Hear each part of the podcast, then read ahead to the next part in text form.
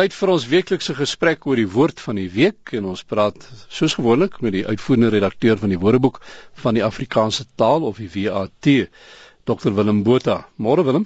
Goeiemôre Kobus. Interessante woordjie vir oggend, kwispedoor.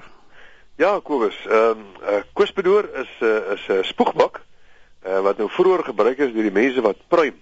En jy het ook jy het 'n handkwispedoor gekry wat jy kan aangee wat op 'n tafel gestaan het en jy het ook een op 'n voetstuk gehad.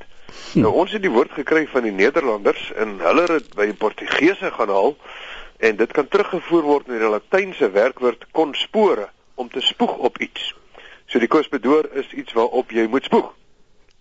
Nou natuurlik 'n ou wat pruim uh, noem jy 'n pruimer en jy pruim uh, roltebak wat geskik is om te pruim en jy sny vir so 'n stukkie af en dan as jy nou die stukkie kou dan dit noem jy 'n koutjie. En dan dan moet jy nou later van die koutjie ontslaa raak. En dan soek jy nou die kwisbedoor maar as jy kyk na die woordeboek van Afrikaanse taal en die die aanhalinge wat ter illustrasie van die woord se gebruik gegee word dan kom jy heelwat agter van die die uh, prym kultuur uh hulle maak natuurlik melding van Paul Creer is 'n uh, is 'n uh, kwisbedoor wat iewers in 'n museum staan.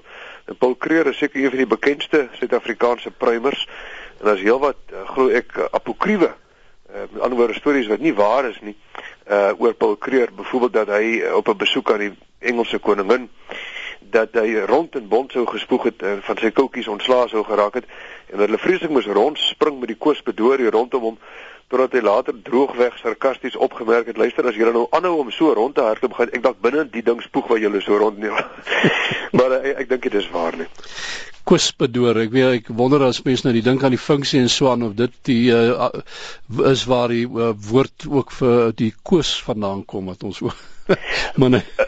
Interessant uh, nie want uh, want hierdie is K W I S ja, ja. kwispedoor. Ja. Maar uh, kwispedoor, uh, jy weet laat my nou so dink aan die primery, laat my dink aan daar was 'n predikant jare gelede wat altyd gesê het, man, iemand wat rook ruik soos 'n vark en iemand wat snuif maak soos 'n vark. Hy sê maar iemand wat pruim is 'n vark. Kom ons het ek nog 'n minuut. Jy het.